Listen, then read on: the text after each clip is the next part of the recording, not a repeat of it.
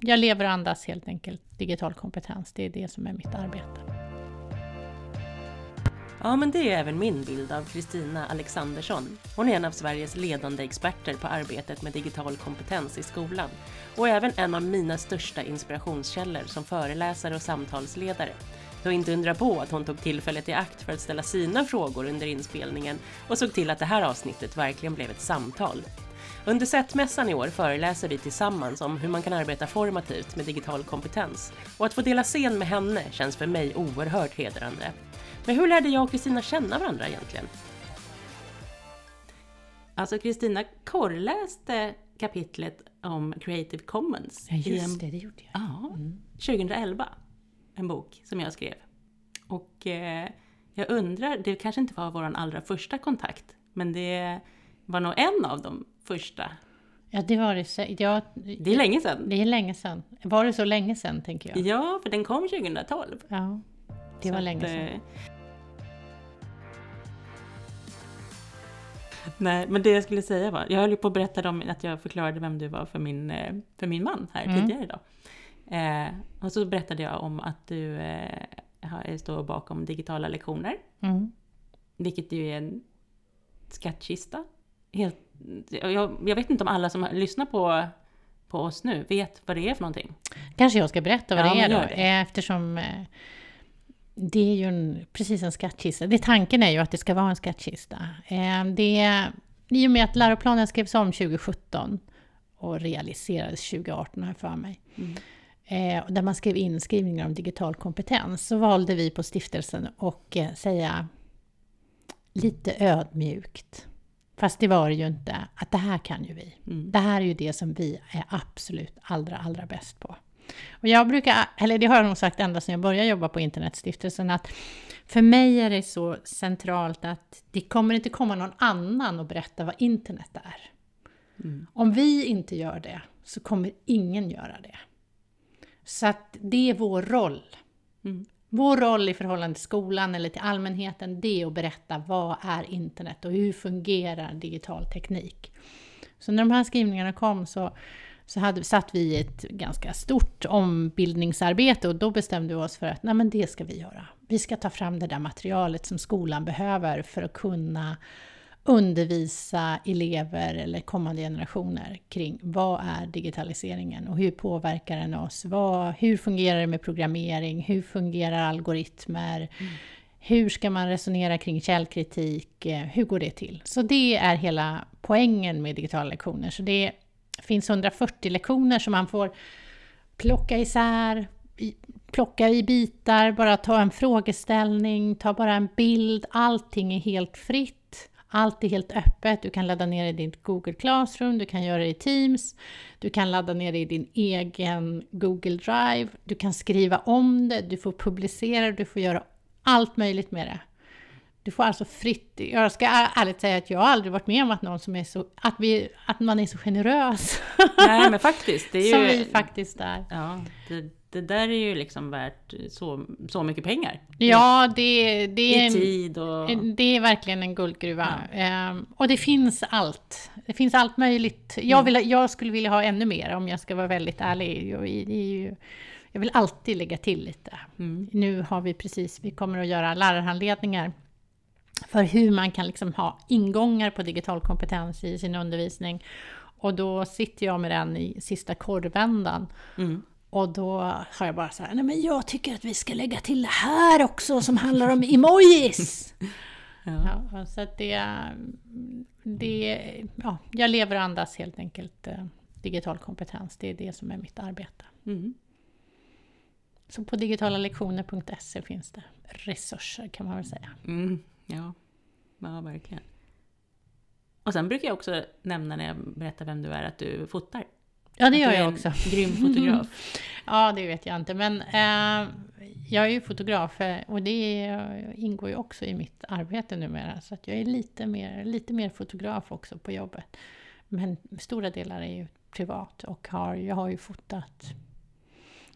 Om man har sett något kanske man har sett eh, Star Wars-bilder. Eller så kanske man har sett någon bild Mm. på dig. Jag har tagit mycket porträtt. Mm. Vad skulle du vilja lägga mer och mindre tid på då? Ja, av det som du gör. Alltså jag älskar ju att jobba. Det har jag alltid gjort. Det är väl en av de liksom... Jag tycker om att vara i görande. Så för mig, jag vill alltid jobba, jag vill alltid jobba och jag jobbar kanske alltid, eller jobbar inte, jag jobbar, ja jag jobbar mina 40 timmar och sen... Men jag skulle ju också vilja, eller göra mer av, jag vill alltid vara i läran, jag vill vara i förändring, jag vill vara, jag vill lära mig nytt. Det är väl det jag vill lägga mer tid på. Men jag är ju inte lika villig som när jag var yngre på att lägga ner lika mycket energi och tid och kraft på, på lärandet. Utan jag är ju med ålderns rätt mm. mer bekväm. Men jag kan inte påstå att jag... Jag tycker jag har ganska bra balans just nu. Jag kan inte påstå att jag skulle vilja göra... Jag skulle kanske vilja simma lite mer än vad jag får göra just nu. Hur, hur vill du lära dig då? Hur jag vill lära mig? Nej men hur jag vill lära mig, det vet jag inte. Hur vill du lära dig? Tillsammans med någon. I relation till någon? Ja. Oftast. Jag är inte så mycket för att sitta själv. Jag vill gärna bolla med någon. Nu har jag med den här podden fått suttit ganska mycket själv och lära mig det runt omkring. Ja. Det har ju varit jättekul. Men jag har ju märkt att jag har nog lärt mig mest när jag till exempel har eh, diskuterat med maken här hemma som ju är rätt bra på, på ljud. Han är ju mm. gammal musiker. Eh, saker som för honom har varit så himla självklart som jag behöver göra. Till exempel köpa låten med eh, BPM utsatt, som jag inte hade gjort. Mm.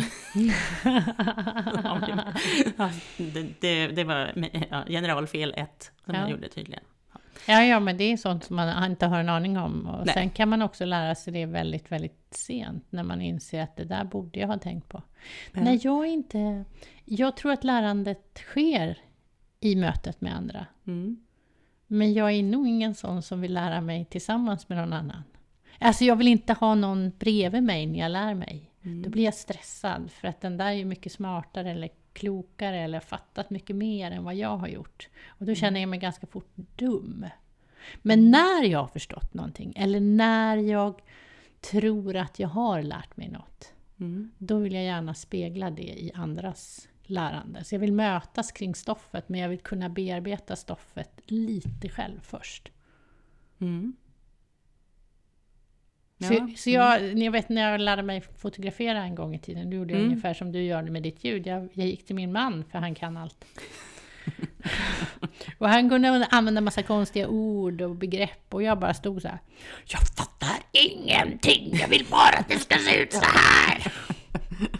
Fast i och för sig, jag ska säga nu, nu ska inte jag ge min man all cred för det här, för att en som jag eh, ska tacka eh, nästan mest för att det faktiskt att, jag, att det här blev podd, det är Micke Kring. Mm.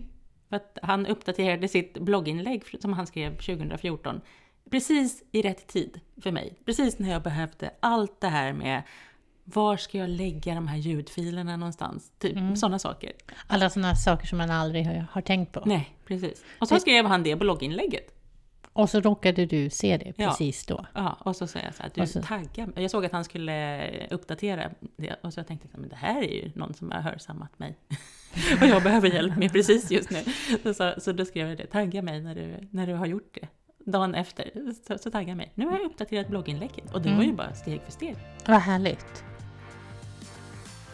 Och vad är dina, vad är det, vilka är dina förebilder här? Vilka har du så här på din poddhimmel? Vilka vill du nå till? Vilka är ditt lärandes mål?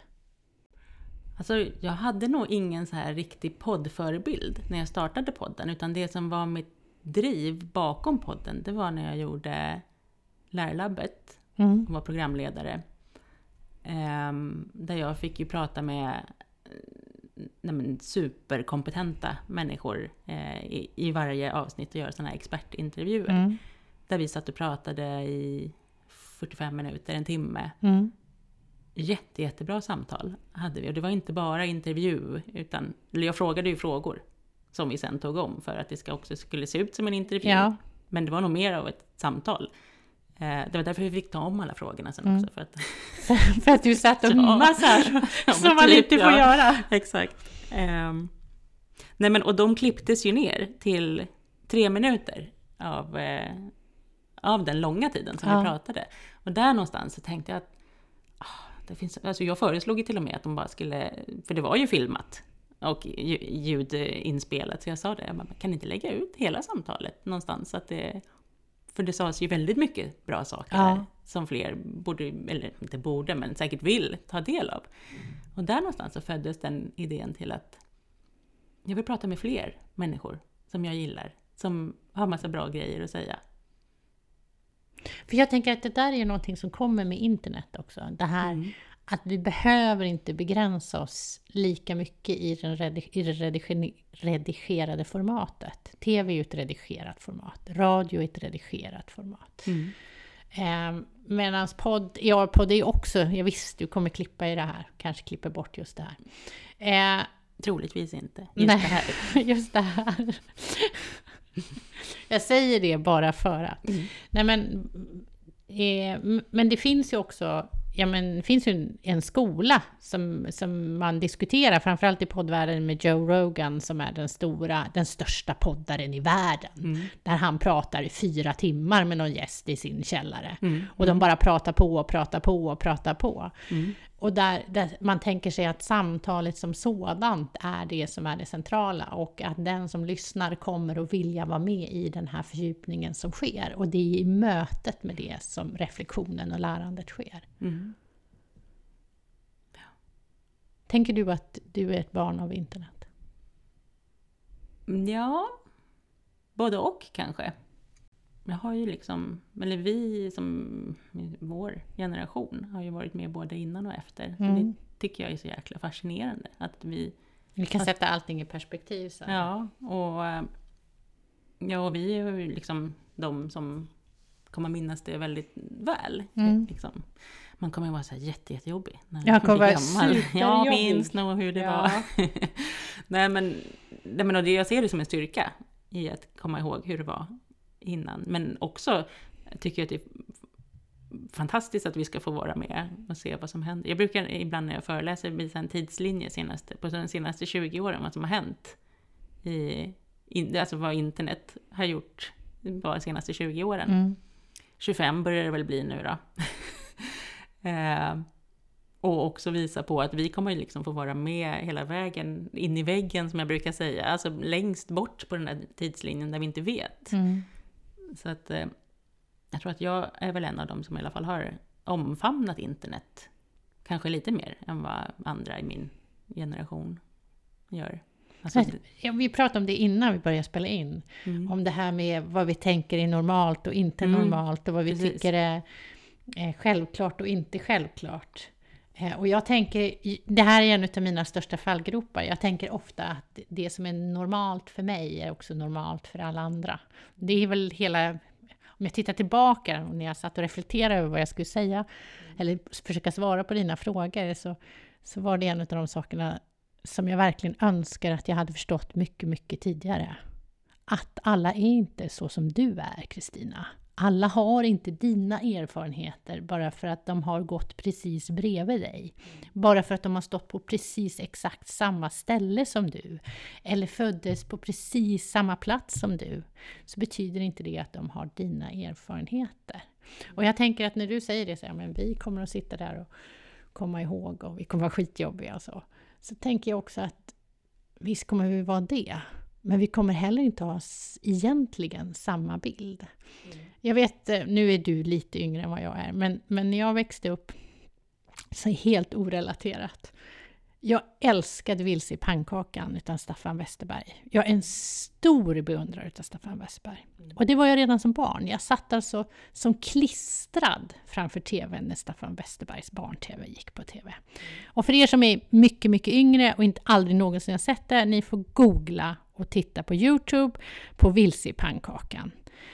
För de som är födda på 70-talet, de vet att när vi kom upp i 20-årsåldern så var det en stor diskussion om var man för eller emot Staffan Westerberg. Hade han förstört ens barndom eller inte? Och det här var verkligen den stora frågan. Och i mina kretsar så var den konsensus var att han hade förstört barndomen. Det var hemskt. Och hur han hade fått liksom eh, prime time och göra barn-tv med dockor som stod och skrek och mamma och pappa som tjatade på det här barnet skulle äta och sådär. Det kunde ingen förstå. Och alla var helt överens om det. Och jag, och jag, och jag satt där och insåg att ja, men jag håller inte med. Jag älskar ju detta. Det här var ju det bästa av alla, alla världar. Men samtidigt så i det där så insåg jag att ja, men jag kan inte heller stå och säga så nej men jag ställer mig på barrikaderna här för Staffan Westerberg. Och det tror jag att när man kommer titta tillbaka på vår tid, eller på hur internet förändrar världen, så kommer det vara en ganska stor konsensus av människor som sa så här var det, så här fascinerande, så här fantastiskt var det, eller så här hemskt var det. Mm. Sen kommer det finnas sådana små skära gubbar eller som antingen inget säger eller som vågar stå upp. Men det kommer finnas några ytterst få som sitter och säger så, ah, men så där kommer inte jag ihåg det. Mm. Och de tror jag också är viktiga att lyfta i det här. Att, att vi har en, en bild av vad som händer när internet kommer mm. in i våra liv och hur mm. det påverkar oss. Medan andra kommer ha helt annan. Ja, jag använde internet eh, eh, då gick jag ju på gymnasiet när jag använde internet allra första gångerna. Eh, så det var ju för att jag skulle kolla eh, poängstatistik i WNBA. Ja, för att jag spelade basket. Ja. Och det fanns ju att titta på på nätet. Och eh, det var, det, det var liksom mitt det, det var första encounter med internet. Det var liksom internet. första användningen. Ja. Du vet ju, jag hade... Mm. Jag är ju så gammal, men på min tid, eller det kom, alla hade väl papperskalendrar, men jag hade mm. också, jag hade liksom en papperskalender speciellt för internet. Mm. Där jag skulle kunna skriva upp alla bra adresser. Mm. Så att jag skulle kunna hitta tillbaka till dem och hitta den här bra informationen. Skrev du HTTP? Nej, jag, ja, det, jag, skrev, jag skrev nog bara www, för det hade jag nog lärt mig ganska snart att mm. det fanns, man behövde inte skriva det där första, det var helt onödigt. Mm. Tills jag en dag lärde mig att man behövde inte skriva www heller, nej, för det nej, fyller ingen funktion alls, det är bara en subdomän. Och nu är jag inne i verkligen min nörd, mm. mitt nörderi. Eh, så att, eh, jag minns verkligen, jag samlade på de där adresserna, för det var ju lika viktigt som de här mm. bästa telefonnumren man hade mm. till sina mm. kompisar. Mm. Så man aldrig skulle tappa bort det. Mm. För man hade ju ingen möjlighet, det fanns, alltså nu är vi inne i nostalgiträsket här. Ja. Det fanns ju inget Google, jag kunde ju liksom inte gå in och, och, och chansa så här. Jag behöver den där sidan som handlar om mm. Sveriges ja, ni hör, ja, Du hör ju vilken tråkig person jag är också, för det var ju det som var mitt stora intresse, det var ju statsvetenskap och så. Eh, så det fanns liksom ingenstans man kunde gå och leta rätt på det och få stöd. Så man får ju tänka på att det har ju i början fanns det inga stödstrukturer. Vi var ju tvungna att skapa de stödstrukturerna tills mm. det uppstod tjänster som Google. Mm. Google grundades ju när jag gick i tvåan på gymnasiet. Ja. Jag klarade mig nästan hela skolgången då, utan att googla någonting. Altavista använder vi ju en del. Ja, Altavista. Jo, men Altavista var ju det. Jag var motståndare till Google kan jag berätta. För det var just mm. Google. Jag tyckte att det var ju en skittjänst. Altavista är mycket bättre. Ja, men framförallt var det ju så att det som var med Google, det var ju att det gick så vansinnigt fort. Mm. De indexerade ju webben, eller ja, jag vet inte vad ni kan om, om Google, du kan en hel del antar jag. Men det som de gjorde i sin databas var ju att de hade indexerat den delen av webben som de hade i sin databas väldigt fort. Så mm. man, om man inte fick några träffar där, så gick det blixtsnabbt. Medan i Altavista fick man sitta och vänta och, mm. och göra något annat medan den mm. vad heter det, försökte liksom indexera vad som fanns på den här webben som inte var så stor. Google var liksom den där lite, lite mer hårdföra kompisen som sa så här, nej den där tröjan passar inte dig. Nej, precis. Medan exakt. Altavista var lite mer så här, då, då, kunde man tänka sig att det kommer nog något på Altavista, men det kom inget på Google för det fanns väl antagligen inget att hitta. Så att eh, det dröjde ett tag innan jag började använda Google. Det var först när jag insåg att de var mycket, mycket snabbare. Mm. När var det då? Ja, det här måste vara början av 2000-talet någon gång. Ja, precis. Ja. Så, så är det. Ja, men då är jag, undervisar jag. Nej, så att jag, det måste, jag, är ju, jag, jag har ju gått ut lärarhögskolan när Google föds. Så att eh, jag är ju lärare. Så det måste vara där någonstans, där mina första år som lärare.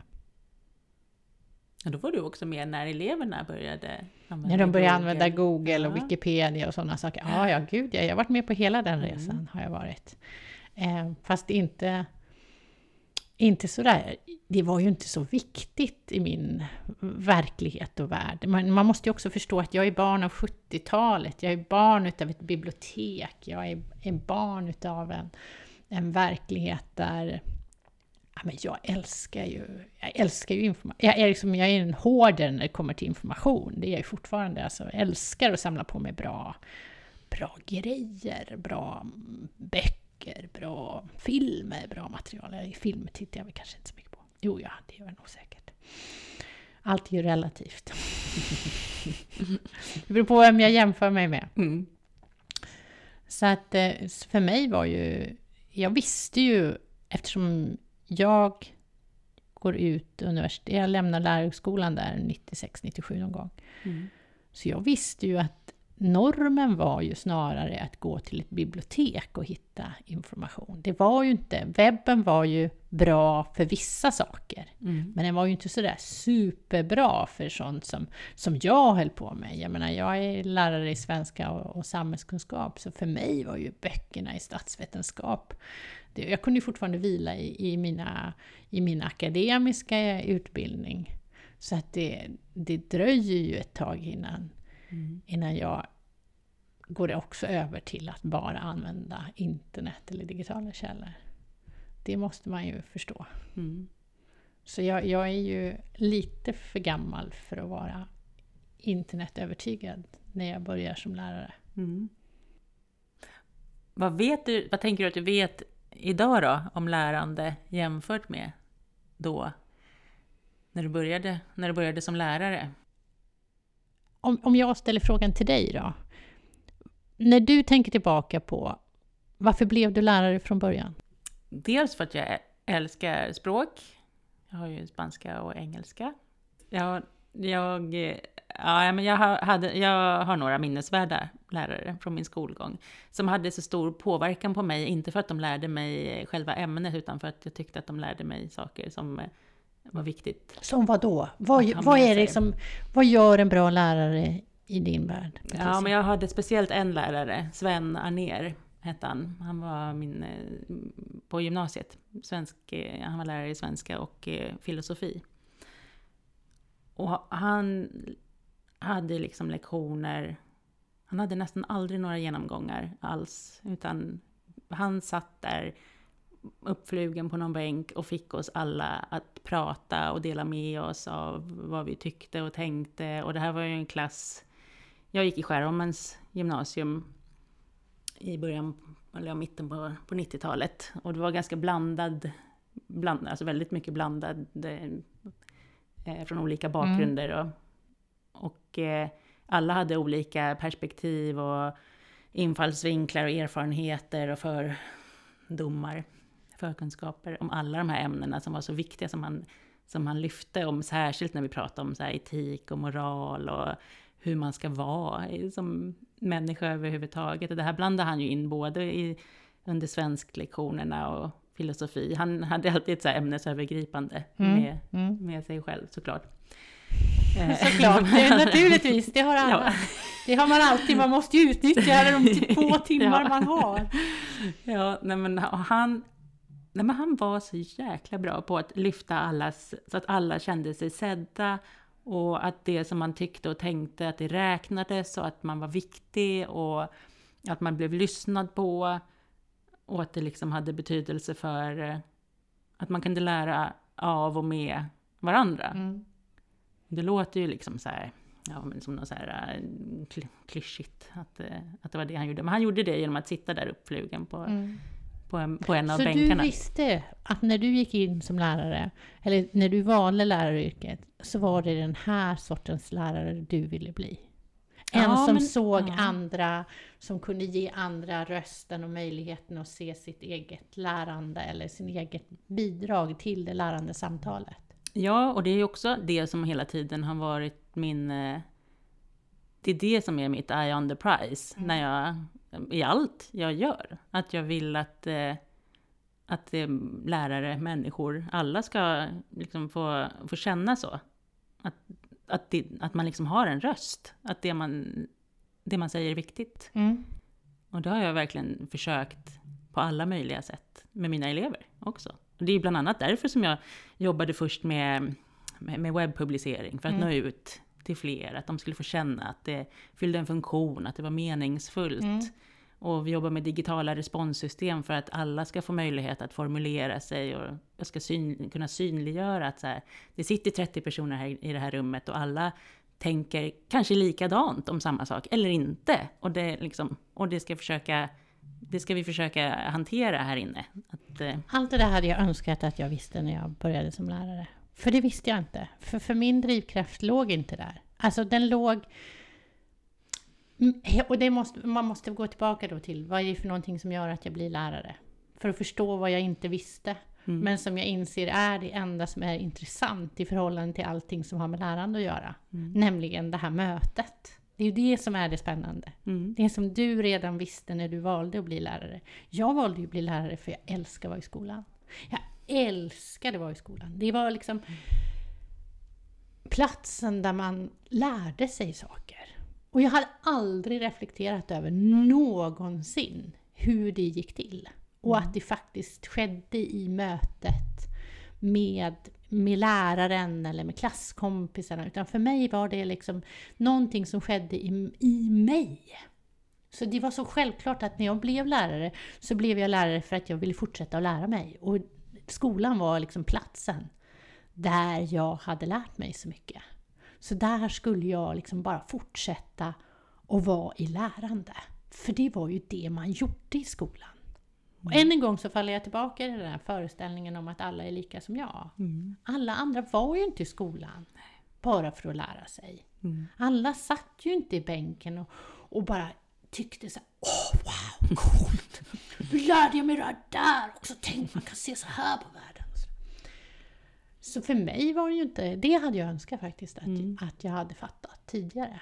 Det tog ju några år innan jag förstod att ja, men det spännande är ju Mm. det spännande, lärandet. Det är ju jag, var ju jag var ju lika upptagen utav mitt eget lärande så jag var ingen, var inte, jag var inte sämre på att lära mig. Det var jag ju skitbra på. Det är, ju, det är jag väl ganska bra på fortfarande då.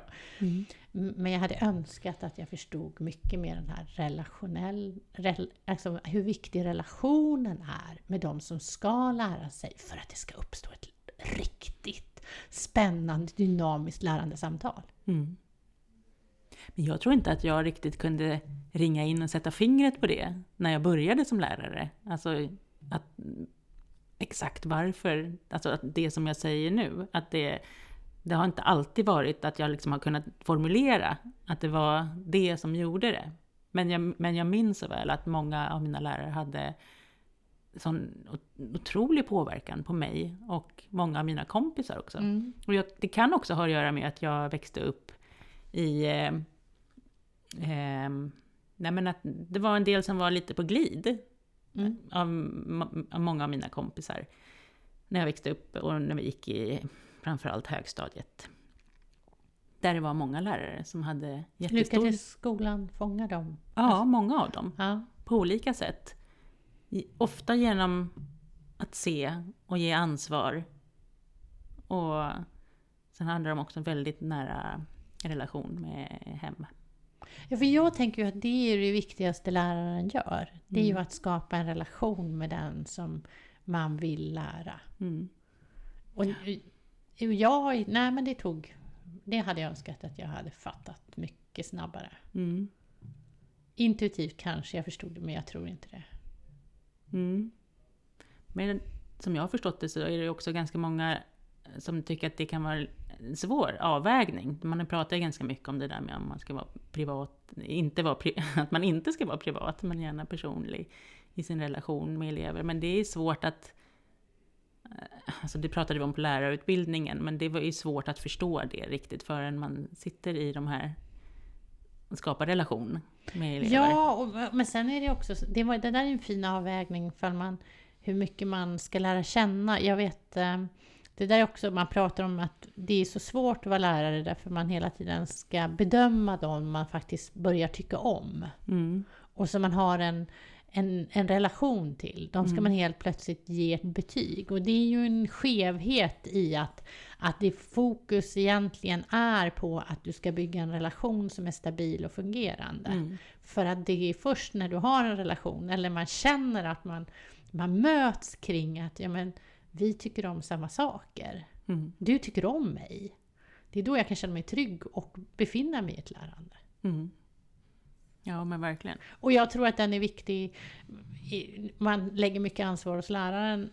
Och det är klart att ytterst är ansvaret för undervisningssituationen med läraren. Men det är också viktigt att läraren känner sig trygg. Så att det behöver skapas utrymmen och liksom sammanhang runt läraren som bygger på trygghet. Och där handlar det ju om föräldrar, skolledning Mm. och hela den biten. Och det får man inte glömma. För det kan jag säga som, som inte undervisar längre, men, men, men hade jag kommit in på en annan skola än den jag hamnade på, så hade jag nog inte blivit kvar så länge i yrket som jag ändå blev. Eller jag är fortfarande i yrket. Jag, vill alltid, jag, är alltid, jag säger alltid när jag möter lärare att jag är lärare. Mm. Och så säger jag, men jag låtsas bara för att jag, jag vill ju så gärna vara precis som ni. Fast jag jobbar ju inte som lärare längre och inte gjort. Jag kan och inte heller, jag måste nog träna. eh, men, men där, på den skolan där jag jobbade så hade vi Liksom, eller jag upplevde i alla fall att jag hade ett väldigt starkt stöd utav skolledningen och de gjorde att jag som är ganska osäker och väldigt liksom otrygg i min egen roll kände att jag kunde i alla fall göra hur mycket fel som helst. Jag hade i alla fall alltid en mur utan den där skolledningen som såg till så att allting fungerade. Mm. Ja, men det tror jag är jätteviktigt. Och det, är- så, den känslan fanns ju på min högstadieskola också. Det kändes som att alla lärare hade också mandat att bry sig lite extra om alla elever. Det är svårt att liksom förklara det på något annat Ja, sätt. men jag tror att det där är jätteviktigt och jag tror att man glömmer det därför att idag när vi pratar om skola och framförallt om lärare så är de de är hela tiden, det är alltid någon annans det är alltid, det är allt, man kan alltid komma åt läraren och säga så här, men du borde ha gjort något annat. Eller du borde, ja, det, det, naturligtvis är den yttersta ansvarig för det som händer i klassrummet. Det är väl ingenting att prata om. Men ytterst så finns det ju ett behov av att den miljön runt om den här läraren är så trygg så att den alltid känner att det är ansvaret som, eller jag gjorde så gott jag kunde och jag kan förklara det och sen så kommer jag få stöd för att jag var professionell. För jag inbillar mig också att de flesta lärare är väldigt professionella i sitt klassrum. Mm. Saknar du att undervisa? Eller du får ju undervisning i samband med att du jobbar på KTH. Ja, det är det som är... Eh, jag är så himla glad för det. För att ja, jag saknar det jättemycket. Mm. Men... Vad är det du saknar? Nej, men jag saknar att sitta där uppflugen på den där bänken och liksom när... Och prata med... Jag har så jäkla mycket fina minnen från när jag jobbade på... Eh, framförallt när jag jobbade på Mikael Elias gymnasium. Eh, och där, det gjorde jag ju mellan 2011 och 16. Mm. Jag hade så himla mycket bra klasser där. Sådana som kommer vara, alltså det säger ju alla lärare, att man bär med sig eleverna länge. Men de, är, de var så himla speciella, de som jag undervisade där. Ehm, men jag saknar att sitta och, och få prata med dem och ta del av deras perspektiv och hur de tänker kring saker och se också så här när, när, när, de, när de också inser att eh, att de kan och att de har utvecklats. Och ett av mina bästa minnen var ju när jag hade följt en grupp elever från steg tre i spanska, då träffade jag dem i ettan på gymnasiet. Mm. Eh, Så hade jag dem i steg tre och steg fyra. Och sen hade jag då en liten grupp i steg fem kvar, i trean. Då var de tio elever. Det var min- min bästa, min bästa kurs jag någonsin hade haft, för att jag behövde knappt ha några prov överhuvudtaget. Vi satt runt ett bord i klassrummet och pratade och läste och lyssnade och diskuterade och det var ganska enkelt att liksom också göra bedömning Mm, av hur mm, de låg till. mm. Det låter som döda poeters sällskap. Ja, men det var nästan lite, lite den vibben. Nej, men när de sa så här, för då hade vi ett, de hade så arrangerade samtal där, som ändå var en bedömningssituation där de skulle diskutera en, eh, en roman som de hade läst. Eh, när de sitter liksom och pratar spanska ganska obehindrat. Mm. Från det att jag har Du träffat har dem. tragglat dem så här hela ja, vägen. och då Ja. sa, där, eh, helt plötsligt så sa jag då så här, Hörni, alltså ni pratar spanska. Kan ni förstå det? Att ni pratar spanska? Förstår ni hur duktiga ni är? Och då så sa de så här, då tittade de så här på mig och så sa de så här, ja fast det, det är ju du som har, det är du som har lärt oss. Och då fick jag så här rys i hela Ja, det kroppen förstår och bara, jag. Ja, det kanske det är, ja. Ja, jag har varit med lite grann och bidragit. De bara, nej men alltså, du har ju, ja, de, jag bara, nej det är ni som har lärt er. Och de bara, ja fast det hade inte blivit så här bra om det inte vore för dig. Så bara, fan vad det, ja, det, det är mitt finaste minne som, lär, som lärare. Det längtar jag tillbaka till. Det förstår jag. Har du haft lärare och studenter förut? På, på, nu ska du ha det här i vår. Mm. Har du haft kurser med lärare och studenter innan på KTH? Nej, inte som, inte som undervisande lärare. Och nu kommer jag ju också handleda examensarbeten. Mm. Hur känns det? Kul! Spännande! Svårt! Mm. Ja, och sånt, sånt som triggar mig. Mm. En svårt. utmaning. Ja. Den vill jag ta med Ja, an. det, det gör vi. Vad härligt. Ja, det ska bli roligt. Och vad är liksom din kurs? Vad, vad kommer den handla om? Vad är det för någonting? Jag är en del av en kurs som heter ledarskap, kommunikation och design av lärande. Och vilken del är du? Är du ledarskapet, Mm. Nej, jag är med. eller Jag är med. designen av lärande? Jag och två till eh, är med i design av lärande. Ja, jag kunde nästan tänka mig det. Jag kunde trott att du kunde varit med i kommunikation också. Ja, för de går ju lite, den går ju liksom i varandra allting. Men ehm, så att vi kommer att prata om constructive alignment, eller alltså så alignment, eh, planering, att planera för lärande och formativ bedömning. Och ja, digitala verktyg, Mm. som ju är ett av examensmålen i lärarutbildningen också. Man behöver ha med sig och tänka kring hur, varför, när man kan Ja, jobba med De det. vanliga frågorna som man alltid ska ställa sig. Ja, exakt. Som jag, som, ja, men som, du och jag, nog, vi tycker ju säkert att det är helt självklart. Men eh, det kanske man inte gör om man... Jag tyckte inte det var självklart när jag var lärarstudent. Nej. Jag vet när jag kommer ihåg vi pratade om den där didaktiken. Mm. Och jag var bara så här, men vad är grejen? Vad är det för något ni pratar om? Det enda jag vill ha, jag vill ju bara ha metodik, jag vill bara ha metoder för att... Och då hade jag en fantastisk metodiklärare som heter Kristina Axelsson, Axi, Axelsson tror jag hon heter, Jonsson, dubbelnamn. Och hon var ju, hon var verksam lärare också. Hon pratade jättemycket metodik, det vill säga hur hon gjorde när hon jobbade med litteratur. Mm. Men i det här, vilket vi inte förstod, för vi såg ju bara, hon bara berättade hur man skulle göra romansamtal. Och hon kom med metoder och modeller och vi bara yes, yes, ge oss, ge oss så att vi kan klara oss i undervisningen. Men, men hela tiden så hade hon ju bakat in de didaktiska frågorna. Mm. Så det fanns ju hela tiden, did- didak- varför väljer jag den här boken? Mm. Och hur ska jag göra det med den här gruppen? Och varför fungerar Men vi såg, vi såg ju bara, åh, det där kan vi använda, åh! Mm. För det var det enda vi törstade efter, det var ju, hur ska vi överleva i det där klassrummet med alla de där timmarna som vi ska undervisa? Mm.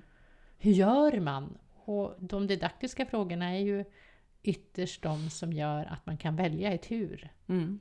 Ja, men precis. Ja. Ja, men det är, så det är lite det som är kärnan Ja, det i den här kursen. Ja men det Ja. ja. vad roligt, vad Mm. härligt. Jag tänker också, nu är det här en fråga till dig. Mm. Hur mycket tror du att man som vuxen när man kommer in i den där rollen som student faller in i studentrollen och bara blir den här passiva mottagaren? Men ganska mycket, tror jag. Fast samtidigt ändå inte, för jag, nu är jag ju själv lite av student och har ju suttit med på en del seminarier. Mm.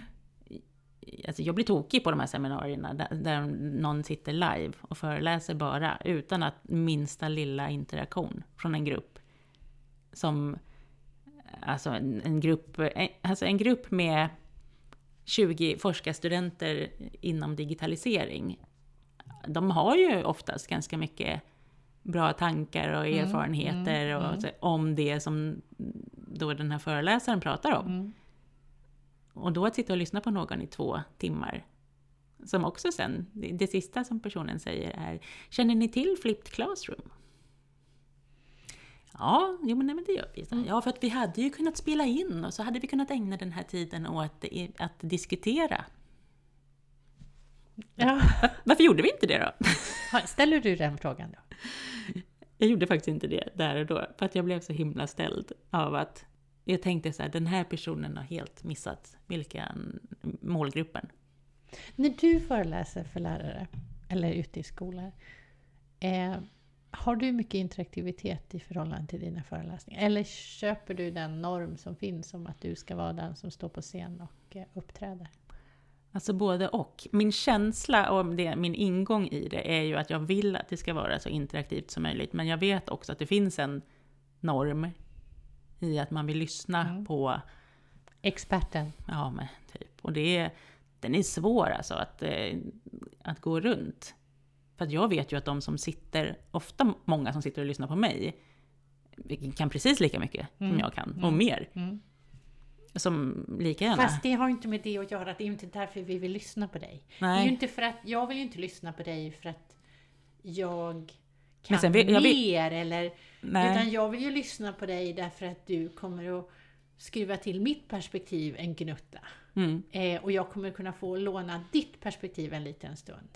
Men har man den, om man har, så- för så tänker ju jag också när jag lyssnar på, på andra, som, till exempel om man lyssnar på andra som föreläser om liknande saker som jag, då, då jag går ju in med, det, med den liksom, föreställningen att eh, nu ska jag få höra någon an, hur någon annan ser på det här. Ehm, och då, då, tycker jag, då tycker jag att det är helt fine att berätta om mitt mitt perspektiv på det hela. Men, eh, ja, men jag kan också ibland känna att det att jag hade velat att det skulle vara mer av ett slags utbyte, men det är också ganska svårt att organisera det rent logistiskt Mm. när det är så många som ska Mm. lyssna. Såklart. Men det är ju lite konstigt att stå och prata om, det gör ju jag också ibland, stå och prata om flipped classroom i en timme för hundra personer.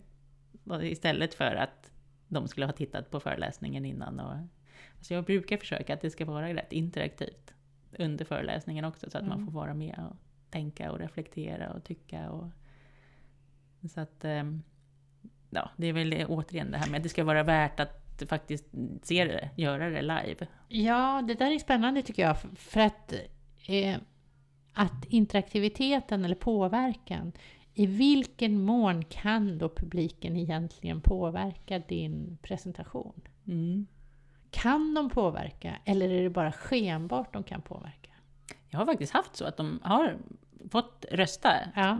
fram slides, alltså, eller slides, vägar i presentationen. Vad som är mest intressant. Att det är så här, ja okej, vilket spår ska vi ta här? Och Vad roligt. är två, här är två, två olika spår och vi har, vi har begränsad tid här idag. Så vad ska vi fokusera på av det här? Brukar sen- de vara eniga eller brukar det vara så här Och 51? det beror helt på. Ja, det, som, eh, ja, någon gång har det varit så här 51-49 procent i mentimeteromröstningen. Så okej, jag- då berättar jag lite mer om eh, det här med ökad elevaktivitet då. Fastän jag vet att hälften hade velat höra mer om, bedömning. om formativ bedömning överlag, Ja. inte bara en del av den. Ja, ja men så att eh, det går ju att göra så också. Ja, det gör det verkligen. Det, där är, det där är jag alldeles för feg för. Det, har- det, jag skulle inte kunna göra det. Men det där är en sån sak som jag övar mig fortfarande på. Och det minns jag också väl med elever när, när vi började jobba, särskilt med digitala responssystem, för att jag ville försöka få till det här äh, samtalet i klassrummet eh, och liksom lyfta olika infallsvinklar och deras eh, tankar och idéer.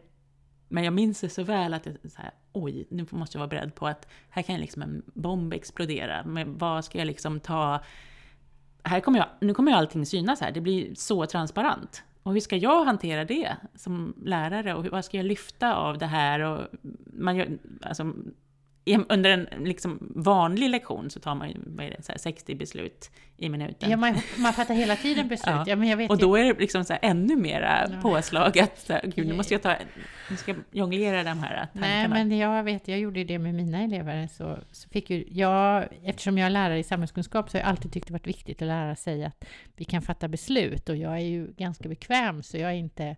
Jag har aldrig varit så bra på att förbereda beslutsförandet, utan det ska gå enkelt och det ska vara snabbt. Och acklamation är faktiskt det snabbaste sättet att få ett beslut, det vill säga man säger ja och nej. Mm. Så det lärde jag ganska fort mina elever, att vi säger ja eller nej.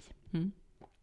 Och en av anledningarna till att jag sitter här idag och inte jobbar som lärare, det är ju för att jag just hade en sån acklamation med mina elever om vad vi skulle göra. Vi hade, de hade jobbat med, för min, min ambition, jag har inte riktigt samma fina ambition som du, jag är ingen jag är ingen lärare i Döda Poeters Sällskap. Det, jag är verkligen ingen sån lärare. Min, mitt, lärande, mitt lärarskap går mycket mer ut på att jag vill att andra ska upptäcka det fantastiska i någonting. Nu ska vi försöka förlösa dem så de förstår det fantastiska med det här. Och så har jag nog också jobbat väldigt mycket. Och så jobbar jag nog fortfarande. Jag tänker att alla kommer nog... Det är väl också Döda Poeters Sällskap? Nej, absolut inte. Nej, jag, har inget, jag har ingenting utav Robin, William, Robin Williams i mig. Och då fick mina elever i uppgift att jobba med eh, den fantastiska förorten Blackeberg och eh, så gjorde de fördjupningsarbeten om Västerort. Och jag kommer från Västerort, jag älskar Västerort, jag älskar Blackeberg, jag älskar de bruna husen, jag älskar 50-talet, jag älskar rapp. Jag älskar trevåningshus. Alltså jag... Ja, jag, Mm. alltså det är drömmen för mig. Mina elever älskade absolut inte vare sig bruna hus eller Blackeberg eller förorten eller 50-tals simhallar eller ja. Och det gjorde de väldigt tydligt när de gjorde sina arbeten. Så jag satt hemma och liksom läste och bedömde deras arbeten och det var ju så dåligt. Det bara skrek, vi hatar det här. Varför tvingar du oss att lära oss mer om Vällingby? Det är ingen som vill lära sig någonting om Vällingby. Och jag var liksom övertygad om bara de fick lära sig mer om Vällingby så skulle de också inse skönheten i den här platsen. Eh, men och då så, min man som är mycket mer pragmatisk än vad jag är, han bara, men du Kristina, sluta med det där. Det är bara att säga, det är bara att gå tillbaka till eleverna och så säger du så här, vi skiter i det här, jag ser att ni hatar det. Jag bara, ja jag gör väl det då. Men så, ja, man ska ju vara interaktiv och man ska vara generös och man ska låta eleverna påverka och sådär. Så jag gjorde det väldigt snyggt tyckte jag. Eftersom jag är en, en, ett barn utav eh, någon sorts demokratiskt uppdrag så, så presen, gjorde jag en presentation. Jag gjorde precis som regeringen gjorde. Jag la fram en proposition. Jag förklarade vad vi hade gjort och Mm. vad vi skulle gå vidare med och sådär. Och så slutade jag med att säga så nu får ni fatta beslut om vad vi ska göra. Mm. Och det var ju liksom fortsätta med det här som ni tycker är skittråkigt eller så gör vi något annat. Mm. Och för mig hade det där något annat varit, det var ju för mig en juvel. Och den gav jag till mina barn, eller till mina elever. Mm. Och då räcker en elev upp handen och säger så här, du Kristina, det där är något annat. Vad är det för något? Ingen aning, säger jag. Jag vet inte. Mm. Vi bestämmer det sen. Antingen fortsätter vi jobba med 50-talsförorter eller så gör vi något annat. Det kan vara vad som helst. Mm. Unisont i acklamationen säger alla vi fortsätter med Blackeberg och Vällingby. Mm. För något annat kunde ju Ja. vara något ännu värre. Något men det värre. hade inte jag tänkt ut. Nej. Alltså, för mig var det bara så här, ja men det är ju en öppen dörr, den kan innehålla solsken. Men de, Mm. de räknade ut att det kunde vara åskmoln där också. Mm. Så de fick fortsätta jobba med sina Blackeberg. Och jag frågade dem så här, hur kunde ni, hur kunde ni fortsätta att välja det här? Ja men det, du kan ju hitta på ännu värre.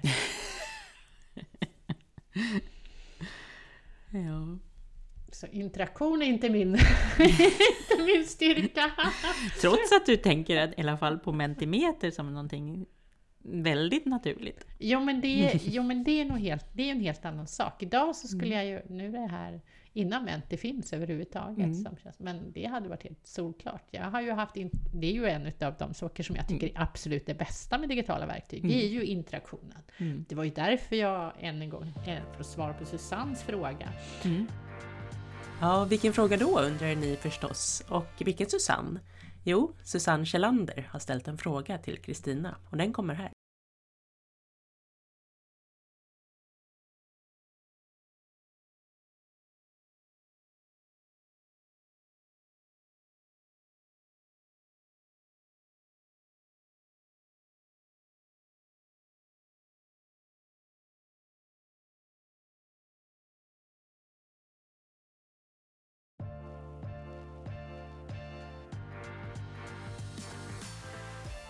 För att svara på den andra delen av frågan.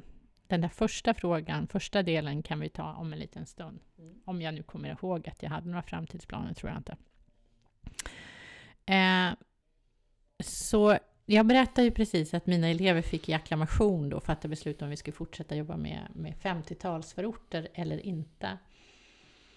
Och det är också där, i de där arbetena, det är inte där ni har jobbat med de här 50-talsförorterna och det här traditionella lärandet, för det är ändå det vi gör. Vi, jag är en del av webbstjärnan, jag har hoppat på idén om att jag ska webbpublicera, men jag ser, och det enda jag gör är ju att ta det som jag skulle ha gjort i ett vanligt klassrum och så lägga ut det på webben. Det är liksom en skoluppgift, en uppsats, du lämnar in den till fröken, nej vi lägger ut den på webben så att alla kan förstå hur fantastisk Blackeberg är. För det var det som var målet. Målet var inte, mina elever skulle absolut fatta det bara de läste romanen, Låt den rätte komma in. Mm. Så skulle de fatta att det här är ju en roman som handlar om Blackeberg. Mm.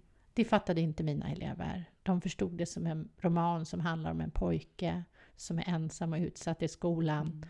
och som får en vän. Medan när jag läste boken, här är den röda tråden i samtalet med mig, mm. så läste jag det som en bok om Blackeberg. Mm. Därför att det var ju en plats som jag kände och jag såg att John Ajvide Lindqvist, han kunde sitt Blackeberg och det kunde jag också.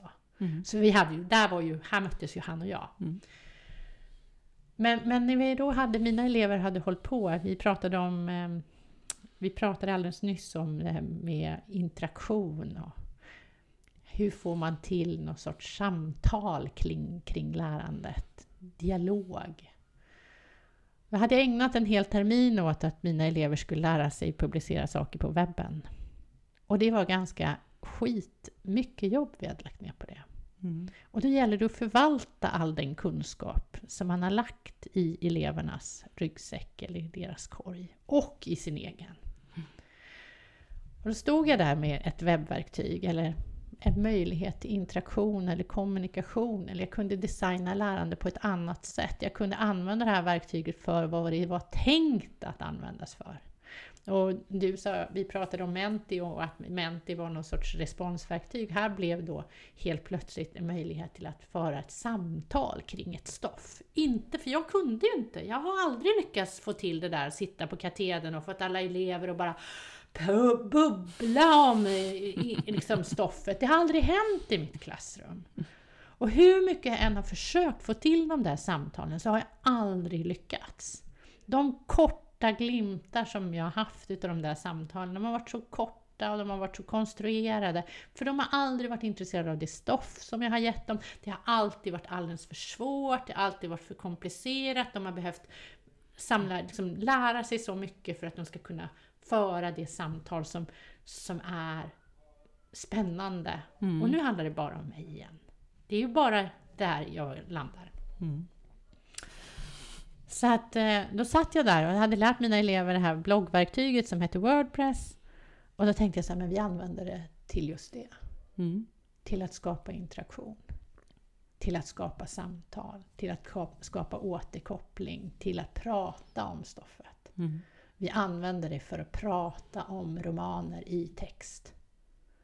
Och på så sätt så fick mina elever liksom möjlighet att få mycket mer tid. För det är ju det vi behöver.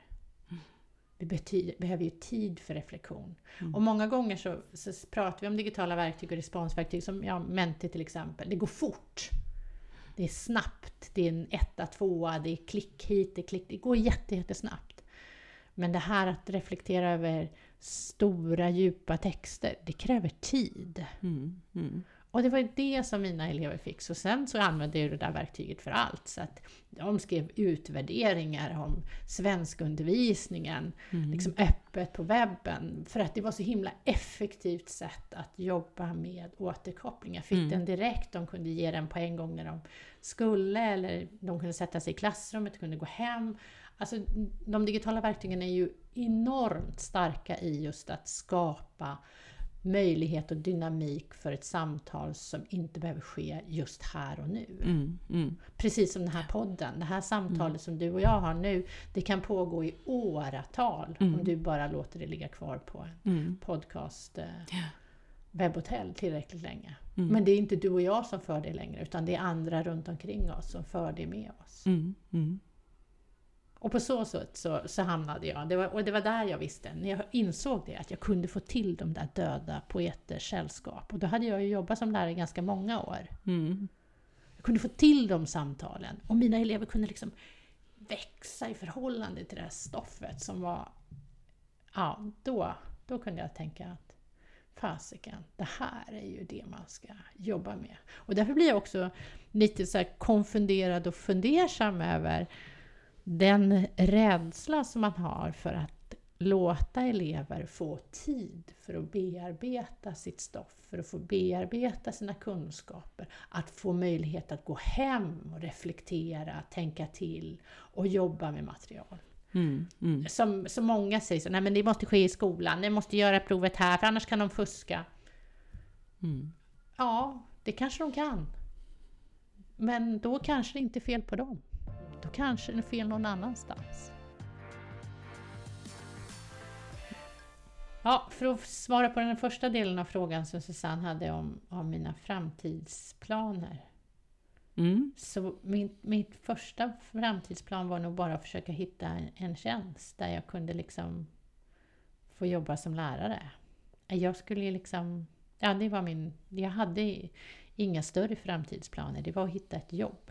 Mm. Det tyckte jag var svårt och läskigt. Och... Ja, större än så var det inte. Mm. Det är väl en bra plan? Ja, det är väl det man har när man... Du då, vad hade du för framtidsplaner? När du kom ut från skolan? Från universitetet? Var du ju doktorera? Nej, nej, verkligen inte. Och inte skriva böcker och föreläsa och göra... Nej, jag skulle nog... Jag hade nog bara tänkt att jag skulle jobba som lärare. När ändras det? När liksom inser du att du vill göra det här reflekterandet också parallellt? Det var ju, alltså, jag tror jag hade jobbat två år som lärare då. Eh, ja, men 2011. När jag, sommaren 2011, då hade jag jobbat ett år med elever i en-till-en-miljö. Mm. När jag tänkte att nu ska jag förkovra mig lite här nu under sommaren. Och läsa lite mer. Och, Mm. Lära dig lite mer om hur man ska göra? Eller? Ja. Men det fanns ju inte så mycket att läsa, eller det fanns ganska mycket på engelska att läsa. Men jag tänkte så, men det här finns inte så mycket om, i alla fall inte på svenska. Och då lite så här glad i hågen, naivt, så tänkte jag att men jag kanske skulle skriva en bok. För att jag tänkte jag man reflekterar ju ändå ganska mycket kring vad jag gör och så här, Och skrev ofta ner saker efter lektionstid, Mm. som vad vi hade gjort och sådär. Vi hade ju Mm. också testat så otroligt mycket saker. Mycket mer än vad jag rekommenderar idag. Fast man kunde testa på ett helt Ja. annat sätt. Ja. Det är också jätteviktigt att komma Mm. ihåg. Jag testade också enormt många olika konstiga grejer. Ja. Och förkastade en hel del, och en del förfinades ju. Jag minns väl att jag, det fanns ett verktyg som då hette Titanpad, som ju idag, det var en här öppen källkod, Mm. som ju idag är, tror jag är, fortfarande heter Meeting Words. Eh, och då finns lite olika varianter på den. Men det är ju som en så här, ett, en, ett öppet dokument där varje, varje författare, alltså det är kollaborativt, där varje författare får en egen färg, att det stryks över Jaha. med en färg. Och där, det testade vi tidigt, alltså väldigt tidigt, det var ett av de så första verktygen som vi provade, för chattdiskussioner. Ja, vad coolt. Som var en sån här, ja men det var sån hit, alltså som funkade så bra. Som, som vi fortsatte att använda genom åren. Och som jag än idag fortfarande använder. Använder. Mm. Det är en bra grej. Varför sa jag det? Vi pratade om hur det kom sig att du började skriva böcker. Ja, men just det. Ja. Nej, så då, då skrev, började jag ju skriva den första boken. Om, eh, jag tänkte att det kan vara bra om det finns någon så här liten lunta om hur man kan jobba med webben i Mm. undervisningen. Mm. Det var samtidigt som Kristina Löving eh, skrev sin bok Ja, just det. som heter eh, Digitala verktyg och sociala medier för lärande. Som ju också är undertiteln på min bok. Som, ja, man, jag förstår om man blandar ihop dem. Eh, de släpptes ungefär samtidigt, de två böckerna. Men det var ju då, 2011, 12 där, typ de böckerna som fanns. Ja, det var de som fanns på svenska. Ja. Finns det mycket böcker nu? Säger jag då och ser ut som ett frågetecken. Ja, mer. För, för det Mm. finns ju en del, jag vet, nu följer jag inte riktigt den praktiska litteraturen så mycket, mer Mm. den forskningsinriktade som problematiserar Mm. digital kompetens. Men jag tycker det fortfarande finns väldigt lite. Det skulle nog kunna finnas mycket mer. Men eh, det finns ju en hel del mer. Än vad, Ja, oh ja, oh ja, då. ja, då fanns det bara två. ja, men typ, nej, kanske inte bara två. Men det var ju två, två praktiker som Mm. skrev om vad som... Blev du biten utav att föreläsa så det var därför du valde att fortsätta göra det? För där kan jag tycka att man, när man pratar med de som jobbar eller som har det vid sidan av, så är man antingen, gillar man det, eller så tycker man att det är ett ok att bära. Nej, men jag tycker nog att det är ganska kul att föreläsa. Jag tycker att... Jag tycker nog att det är kul. Vad sker det för lärande i, ditt, i dina föreläsningar? Alltså för dig? Och det är, jag menar, jag förstår att de andra lär sig och reflekterar, men i, när du föreläser, hur lär du dig? Men jag tycker att jag har utvecklat eh, förmågan att berätta en historia mer än vad jag gjorde i början när jag föreläste. Att det liksom... För det har jag också tänkt på. Vad är det som gör att det är en bra föreläsning? Mm, Vad är det mm. man vill lyssna på egentligen? För att Mm. jag brukar o- ganska ofta, eller har ställt mig frågan ganska ofta, varför ska folk lyssna på mig? Mm. Jag har föreläst nästan tio år, inte om samma sak. men, men det finns ju en grundtanke i det som jag föreläser om. Ehm, Fast tio år och föreläsa om samma sak, det är ju heller ingenting. Jag, jag kan tänka mig att, eh, vad heter han då, som vi pratade om också där uppe, han vars t-shirt du hade, han Hans Rosling. han pratar Ja. ju egentligen om samma sak. ja, det är klart. Ja. På olika sätt Ja. förstås. Mm.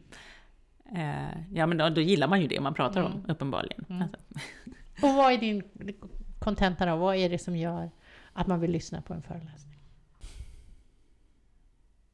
ska man säga det här på något så här, slags ödmjukt sätt? Nej, men jag tror att jag är rätt bra på att berätta, berätta en historia om, vad jag, om mina egna erfarenheter, vad mina elever har förmedlat till mig, att de har upplevt, att det blir rätt praktiskt för att de flesta exempel som jag har med är ju från min egen verklighet, att det Mm. finns liksom en igenkänningsfaktor. Jag tror, att det jag tror att det generellt så, i ett yrke som ändå är ganska praktiskt som Mm. lärare, så vill man ha de praktiska exemplen. Mm. Ja, men precis.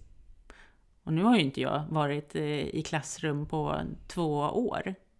Och jag börjar ju nästan redan känna att, eh, att, eh, att jag vill, vill liksom tillbaka till de där praktiska exemplen. Mm. För jag säger ju fortfarande mina elever, medan folk kanske lite så här, "Men då dina elever, du, du, är ju, du jobbar ju inte som lärare nu.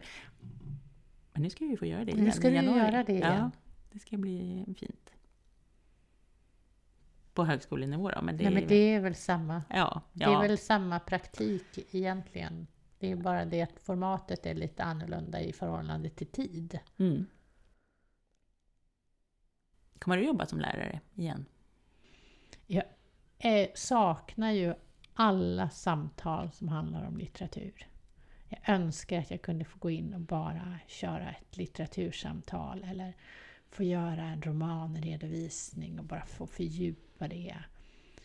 Men jag vill inte hålla på med bedömning. Jag vill inte hålla på med jag vill inte hålla på med administrationen. Det, det, det längtar jag inte efter. Jag har någon så här tanke om att jag tror att läraryrket kommer att förändras över tid. Så att man som lärare inte ska behöva vara ett S på allt. Utan att man kommer kunna liksom kanske plocka, det kanske kommer bli för fragmentariskt och det som schemat ser ut idag och med skolbyggnaden som den ser ut idag och som alltså utbildning överlag ser ut idag. Men jag hoppas att det kommer ändras. Vi har varit och nosade lite på det, jag och mina engelsk, eh, mitt arbets, ämneslaget för engelska. Vi höll på och försökte sätta ihop sy ihop kurserna i engelska där vi tre mm. skulle dela upp det. Mm. Där man får göra det man är bra på. Mm.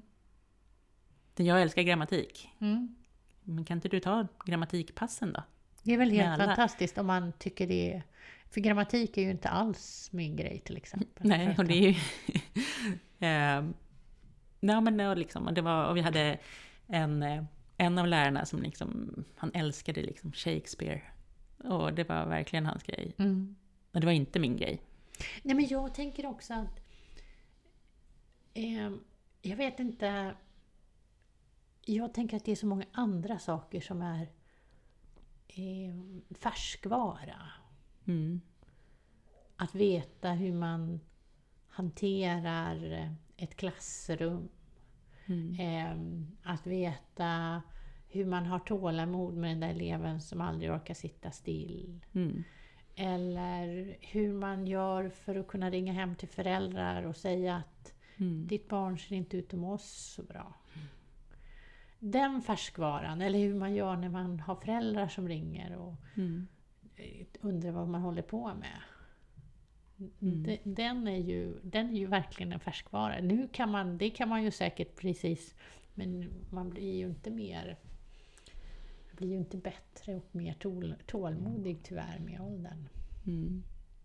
Och det är ju det som gör det också svårt med att kunna dela upp det sådär, läraryrket. För det är ju det är ju så komplext, det ingår ju så himla mycket i det. Bland annat att bygga relationer för att man ska kunna lära tillsammans med en, en grupp människor.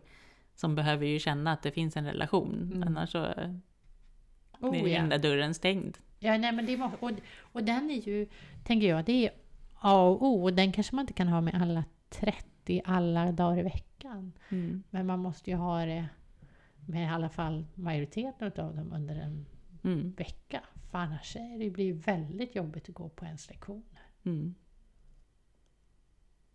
Nej, jag tänker att jag, jag fortsätter med det som jag är bra på. Mm. Och lära mig själv. jag är inte så bra på, på att lära andra saker. jo, det skulle, det skulle jag säga. Att det, särskilt i det, det är allt det som du har varit inblandad i här genom, genom åren. Jo, Tänk jo, så många som ni, har lärt sig av det. Ja, men jag tänker att ni ser mig bara en kort, kort stund. Det är det som är skillnaden.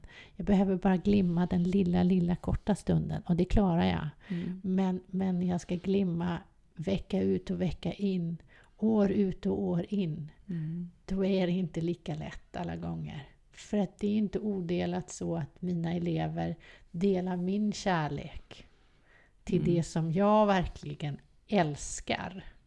Mm. Och där, i det där mötet, det där med att möta någon som inte förstår eller som bara tycker att det här är helt hopplöst. Där krävs det ju ganska mycket för att man ska få någon sorts harmoni i mötet. Mm. Och det krävs energi från båda hållen. Mm. Och jag, jag önskar så att jag skulle säga så här, ja men det... Och jag beundrar alla som gör det. Och jag tycker att ni gör ett sånt otroligt viktigt jobb. Mm. Så att, eh, kan jag bidra lite till ert lärande så kan det vara bra då. så är det. Mm. På tal om att det här när du, när du glöder till. Så jag, kom, det, eh, jag undrar om det var på internetdagarna 2018 när du pratar om eh, programmering. Kan det ha varit 2018 då? Kan ha varit Nya ja. läroplanerna. Ja, det tror jag. Ja, men då, då höll du en dragning om programmering där det liksom vibrerade om hur du, hur du, eh, hur du framförde det. Som var, så, alltså det var typ topp fem i föreläsningar som jag har sett någonsin. Jag, jag kommer länka till det på något sätt. Jag ska hitta det klippet, om det fortfarande ligger ute. Ja, det gör det säkert. Vi har ju allt ute. Internetstiftelsen är ju notoriska när det kommer Mm. till, till den biten. Det mesta som vi har gjort som vi inte tycker är passé brukar ligga kvar på våra Youtube-kanaler. Mm. Nej, jag ska hitta det och länka till det. Det var ett skolexempel i någon som pratar om någonting som betyder någonting, verkligen. Jag tänker att där, för mig är det en... eh, Om jag nu ska ge mitt perspektiv på det där med vad som är en god föreläsare. Jag eh, föreläste i början utav min tid på Webbstjärnan tillsammans med en akademiker. Och eh, han, jag tyckte han var en strålande föreläsare. Jätte, jättebra. Han, han triggar mig på alla sätt och vis. Mest för att jag är ganska intresserad utav torra och tråkiga saker. Så akademiker tilltalar mig väldigt mycket. Men det var någonting annat som han också, och jag sa så här, jag förstår inte hur du gör. Och då sa han så här, jo men jag hade en lärare en gång och hon sa, det enda du ska tänka när du föreläser, det är att du pratar om något som du är förälskad i. Mm. Och är du förälskad i det så kommer det att smitta på andra också. Mm. Det gjorde det i den där... I den, jag, har sett, jag har sett dig föreläsa många gånger och jag tycker att du är, alltid är briljant. Men den var så minnesvärd, det slog an någonting i mig också. Det, Det var som, det var som att jag, för att jag, du satte också ord på det som, som rörde sig upp i mitt huvud om varför, liksom, varför ska barn lära sig att programmera och all den här debatten som var för ett par år sedan. Nej, det var, det var så jäkla viktigt i den tiden också. För det där tycker jag är spännande. För det där, så där kan det ju vara med saker. Man, man, man får en, en uppenbarelse. Man känner här, åh, det där Mm. var precis. Sen går man tillbaka till det. Det är det farliga med förälskelser. Det är att när man går tillbaka till det så är det inte alltid man kan se vad det var som var så storslaget med det. Jag har sett det igen efter det. Så att, Jag vill bara varna! jag vet precis hur jag själv är. ja, jo. Nej, jag har sett det igen. ja. Vi har rundat ganska många frågor kring, kring din podd. Du kanske kommer klippa bort alla mina frågor om din podd. Men, men jag tänker, och det har du säkert berättat i, i dina andra. Varför är det viktigt med en podd om lärande? Jag tycker att... Eh, jag tycker ju alltid att det är viktigt att prata om lärande. Och att man får prata länge om lärande. För att... Eh, jag, vet, jag vet ju att det görs mycket. Och sen så har jag ofta tänkt att att det pågår så många bra samtal om lärande som jag själv hade velat ta del av. Och att, eh, så har jag tänkt då, tanken med podden är ju att försöka att fånga, att fånga ett sån, sådana samtal. Och då tänkte jag att jag bjuder in de personerna som jag har lärt mig mycket av genom åren på olika sätt, som har inspirerat mig och bidragit till att jag har velat lära mig saker eller grotta ner mig i olika saker. Så tänk att jag gör ett försök att spela in samtal med Mm. de här personerna. Och så hoppas jag att det liksom kan gå ut i etern så fler kan ta, kan ta del av det. Då blir den naturliga följdfrågan naturligtvis, vad är det för något du har lärt dig utav mig? Idag. Eller Ja. överlag. Idag kan vi väl börja? Idag. Jag har lärt mig att, eh, att eh, poddavsnitt kan vara mycket längre än vad jag hade tänkt mig från början. Just för att samtalet, det här samtalet har pågått länge. Mm. Och jag ska verkligen försöka att inte klippa så jäkla mycket. Skrämmer det dig att jag har tagit över samtalet många gånger också? Nej, det har jag nästan förväntat mig. Ja, skönt. Så då tänkte jag, för nu... För jag fick med mig det utav min son. Det är så här, vi lyssnar på, jag kommer inte aldrig ihåg vad den podden heter, men det är Sveriges största samtalspodd. Och det är han som har tipsat mig om den. Och så säger han så här, du vet, jag tycker du ska göra precis som han. Du bara liksom kidnappar den och så tar du bara och ställer alla dina frågor så blir det jättebra mamma. Och jag bara, nej men jag ska försöka vara snäll och inte göra det. Ja, men jag hade nästan förväntat mig att du skulle göra det. Jag tänkte det. Att, ja, det... Men på ett bra sätt. Jag känner ju att vi har pratat med varandra. Ja, absolut. Ja. men jag det känner ju bra. inte att jag har tagit, jag, jag, jag känner ju att jag har tagit över periodvis, men samtidigt har jag också släppt och låtit dig dra. Mm. Jag tycker att det har varit ett fint samtal. Mm. Då tycker jag vi rundar där. Ska vi göra det? Mm. Tack för att jag fick komma Patricia. Tack för att du kom, Kristina. Ja, men tack till dig som har lyssnat också. Gå in på digitalalektioner.se för att höja din egen, dina elevers eller kanske dina barns digitala kompetens. Eller ja, lyssna på mig och Kristina när vi föreläser tillsammans på årets SET-mässa. Mig hittar ni som vanligt på patriciadias.se på Instagram och Facebook. Ha det fint tills nästa gång!